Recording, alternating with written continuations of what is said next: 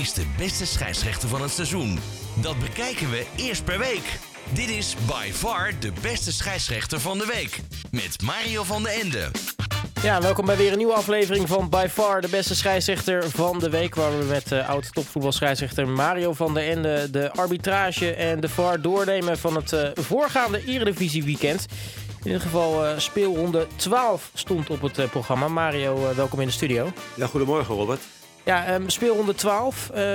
wat, wat viel jou zo op? ja, toch altijd weer een aantal, aantal zaken die, ja, die ik wel waard vind om hier even te bespreken. En dan allereerst even vrijdagavond even terug naar Fortuna Sittard tegen Heracles. Een, uh, ja, een walk-over voor, de, ja, voor de Limburgse formatie. Maar goed, er zijn andere analytici voor om dat te bespreken. en in de eerste helft was er een, ja, een, grove overtreding. het stond op een gegeven moment al, al 3-0 en het werd ook in de eerste helft 4-0. En het leek een beetje op frustratie van Herakliet Mario Engels toen hij rond uh, de kruising van de middenlijn en de zijlijn een enorme beuk aan Fortuna Sittard uh, speler Kai Sierhuis uh, uitdeelde. Nou, die vloog bijna de, de, de eerste ring in. En die mocht, ja goed, die Engels die mocht blij zijn dat de scheidsrechter Lindhout, al dat Lindhout het slechts bij geel hield. En dat VAR, en in dit geval was dat een rookie, Jesse Roosendaal, die we dus niet op die plek veel hebben gezien, ja, ook niet op de lijn kwam. Ehm, bij RKC Go Ahead Eagles viel op dat een eh, vrije, vrije schop van RKC-speler eh, Dario van der Buis op de doellijn of net erachter terecht kwam. Uh, in het verleden was bij RKC was het altijd heel moeilijk waar te nemen. maar sinds dit seizoen is het heel duidelijk zichtbaar dat ze camera's hebben op de doellijn. Dus nu ja, was het gewoon voor iedereen heel duidelijk dat die bal op de doellijn kwam. Dus hij werd niet geteld. En dat, ja, dat is alleen maar een verbetering. Dat, en bij Excelsior en bij RKC Waalwijk, dat daar nu die, die camera's op die doellijn zijn geposteerd. Om in dit soort uh, situaties als een soort doellijntechnologie te fungeren. Want het bleef in ieder geval zuiver. Ja, voor RKC misschien wel jammer, maar het was in ieder geval nu goed waar te nemen dat de bal de doellijn niet was gepasseerd. Vitesse Herenveen, de laatste wedstrijd van coach Philip Cocu, die bij. Maar goed, die bij een 1-1 stand in de 69e minuut wist dat zijn ploeg met uh, 10 man verder moest. Omdat Marco van Ginkel na een rode kaart het veld moest verlaten. De overtreding van Van Ginkel op Heerenveen-speler Olivier Baudet... die ja, werd door scheidsrechter Edwin van der Graaf ja, over het hoofd... Ja, niet over het hoofd gezien, want hij floot wel voor een overtreding. Maar ja, het, de, situatie werd toch weer te laag ingeschat... omdat Van Ginkel toch wel heel pittig op de Achillespees. Het was een beetje een lompe overtreding, maar hij werd natuurlijk wel goed geraakt. En de scheidsrechter die, die schatte het dus te laag in. Uh, na ingrijpen van uh, VAR uh, Edwin Blank. daar kom ik zo ook nog even op terug, want ik vind het altijd nog heel raar. Die was dus VAR in deze wedstrijd. Hè, wedstrijd die s s'avonds laat is afgelopen. Ja, en hij moest ook de volgende dag dan weer bij, FC, bij ADO Den Haag tegen Cambuur fluiten. En ik vraag me wel eens af of dat dan wel een goede voorbereiding is. Maar goed, die, uh, die greep in ieder geval in. Uh, die haalde uh, Van der Graaf naar de zijlijn. Ja, en toen werd er gelukkig, of tenminste gelukkig, maar in ieder geval volgens de spelregels terecht, toch nog een rode kaart getoond. Dus ja, wat dat betreft terecht. even later maakte Luc Brouwers, die werd Luc Brouwers door Vitesse naar Melle Meulensteen in het stadsgebied neergelegd. Hij werd teruggetrokken. Van der Graaf die wees nu terecht naar de stip. En ja, dan krijg je een hele rare situatie. Dan wil die uh, Anas Tahiri, de speler van Herenveen, die wil de strafschop nemen. Neemt zijn aanloop. Wordt er ineens gefloten. Want dan wordt de scheidsrechter nog even teruggehaald naar de, door de VAR naar de zijkant. Dus die speler die helemaal in concentratie is, doelman in concentratie, publiek in concentratie, ja, die wacht af. Maar hij werd naar de kant gehaald om te kijken of die overtreding geen rode kaart waard was, omdat hij teruggetrokken werd. Ja, in mijn optiek was het wel een rode kaart, omdat er een overduidelijke scoringskans ja, teniet werd gedaan door die overtreding. Alleen Van der Graaf, ja, in mijn optiek heel verbazendwekkend, ja, die hield het gewoon bij die strafschop en geen kaart. Hè. Dus, maar oké, dat, dat is zijn keuze. Maar goed, dat zien we straks ook in de cijfers dan wel terug.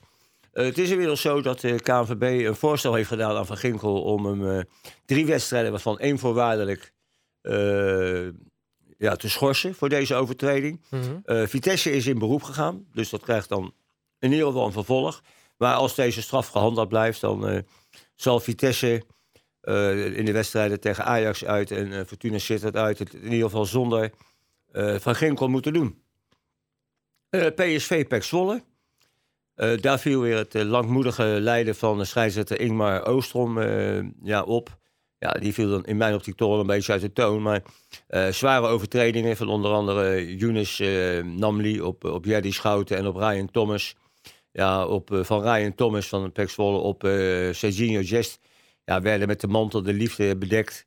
Ja, en, en zorgde bij heel veel mensen voor uh, gefronste wenkbrauwen. want als Namli met geel en Thomas met rood waren bestraft, dan had niemand wat vreemd gevonden. Ook heel vreemd was natuurlijk dat, dat de VAR, in dit geval Alex Bos, vreemd genoeg stil bleef. En in ieder geval niet die Oostrom even naar de kant haalde van... joh, laten we deze overtreding nog eens even goed bekijken. Zeker die laatste van, van Thomas. ja, die werd met geel ja, heel netjes, laat ik het zo zeggen, heel netjes bestraft. FC Twente de NEC. Daar maakte NEC-doelman Jasper Sillissen de opmerking...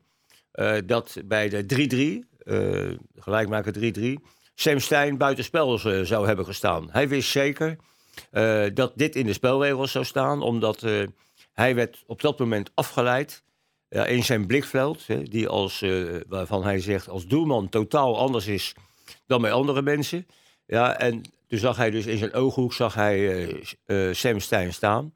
Ja, daar kan hij best wel eens gelijk in hebben dat... en het is voor een goede doelman, net zoals voor een scheidsrechter, denk ik heel goed als je een goed waarnemingsvermogen hebt. Ehm, maar het was in ieder geval toch eens zo dat het, uh, wat hij uh, ja, niet helemaal in de spelregels staat zoals hij het zei. Uh, want een, een, daar staat dat een speler zich pas in buitenspelpositie bevindt. Ja, alleen gestraft kan worden als hij actief betrokken raakt bij het spel.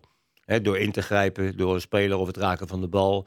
en de tegenstander in dit geval van Celles in, in zijn spel beïnvloedt. Ja, ehm, dat kan natuurlijk wel, maar dan moet hij het gezichtsveld van de doelman, in dit geval, helemaal blokkeren. Ja. Ja, of zijn tegenstander moet hij aanvallen. Nou, dat deed Stijn ook niet, want die stond stil. Ja. En uh, ja, aan die criteria die, die volgens uh, in de spelregels staan, daar voldeed uh, Stijn in ieder geval niet aan. Dus die stond daar gewoon wel in buitenspelpositie, maar als je die bal niet raakt, ja, dan word je ook dus niet actief. En ik denk dat Silas in ieder geval nog even deze passage uit de, spelregel, uit de spelregelboek nog maar eens een keer tot zich moet nemen. Want het klopte niet helemaal wat hij, uh, wat hij zei. Uh, en dan de laatste, de laatste wedstrijd waar iets op te merken viel was bij Almere City tegen Ajax. De wedstrijd van de penalties. Ja, Die ja, ja juist niet, ja, of juist niet penalties.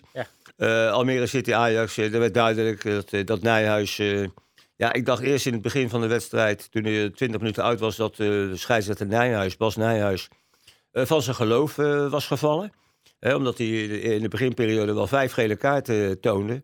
Ja, en zeker voor, voor een scheidsrechter die bekend staat dat hij zijn eigen regels maakt, vond ik dat wel, wel erg veel. Ja, en ook de wijze waarop hij het vaak inconsequent het kaartenbeleid doorvoert. Ja, nogmaals, dan viel dit op. Maar Ajax mocht zich in ieder geval, uh, zeker in één situatie, uh, ja, overduidelijk beklagen. Toen uh, Kenneth Taylor op een gegeven moment doorging op het doel. En ja, in het Almere strafstofgebied een duw in zijn rug kreeg van Peer Koopmeiners. Ja, en toen werd er geen strafstop toegekend. Ja, dan denk ik van, hoe is dat nou weer mogelijk? Dat zo'n overduidelijke overtreding en door de VAR en door de, in eerste instantie door de scheidsrechter gemist wordt. Dus daar mocht Ajax zich wel over beklagen. Ja, en dat waren eigenlijk de situaties die het afgelopen weekend mij in ieder geval weer zijn opgevallen. Nou, check. Dan uh, gaan we door met uh, de cijfers. Welke scheidsrechter blonk uit het afgelopen weekend? Dit is by far de beste scheidsrechter van de week. All Sports Radio. Nou, welke scheidsrechter blonk uit deze week? Uh, het zijn volgens mij niet één, niet twee, maar drie beste scheidsrechters van de week. Ja, nou goed, we hebben dus uh, Allard Lindhout, Jeroen Manschot en Richard Martins. Richard Martins bij Volendam tegen Sparta voor een scheidsrechter makkelijk te leiden. En ik heb altijd toch het idee nog dat uh, als er op kunstgas gespeeld wordt, dat het altijd een andere dimensie nog is. Dat het altijd toch even wat, wat netter toe gaat. Ja, Manschot en Zes, ja, en, Lindhout, die waren dit, uh, dit weekend in mijn optiek gewoon uh, de betere de betere arbiters van dienst. En als je dan even naar de andere kant van, van de medaille kijkt, dan denk ik dat Edwin van der Graaf bij, bij Vitesse tegen Herenveen en Ingmar Oostrom bij PSV tegen, tegen Pek Zwolle die wedstrijd normaal eens een keer of alleen of met hun coaches goed moeten bekijken waar, waar het beter kan. Want hier is absoluut nog verbetering vatbaar.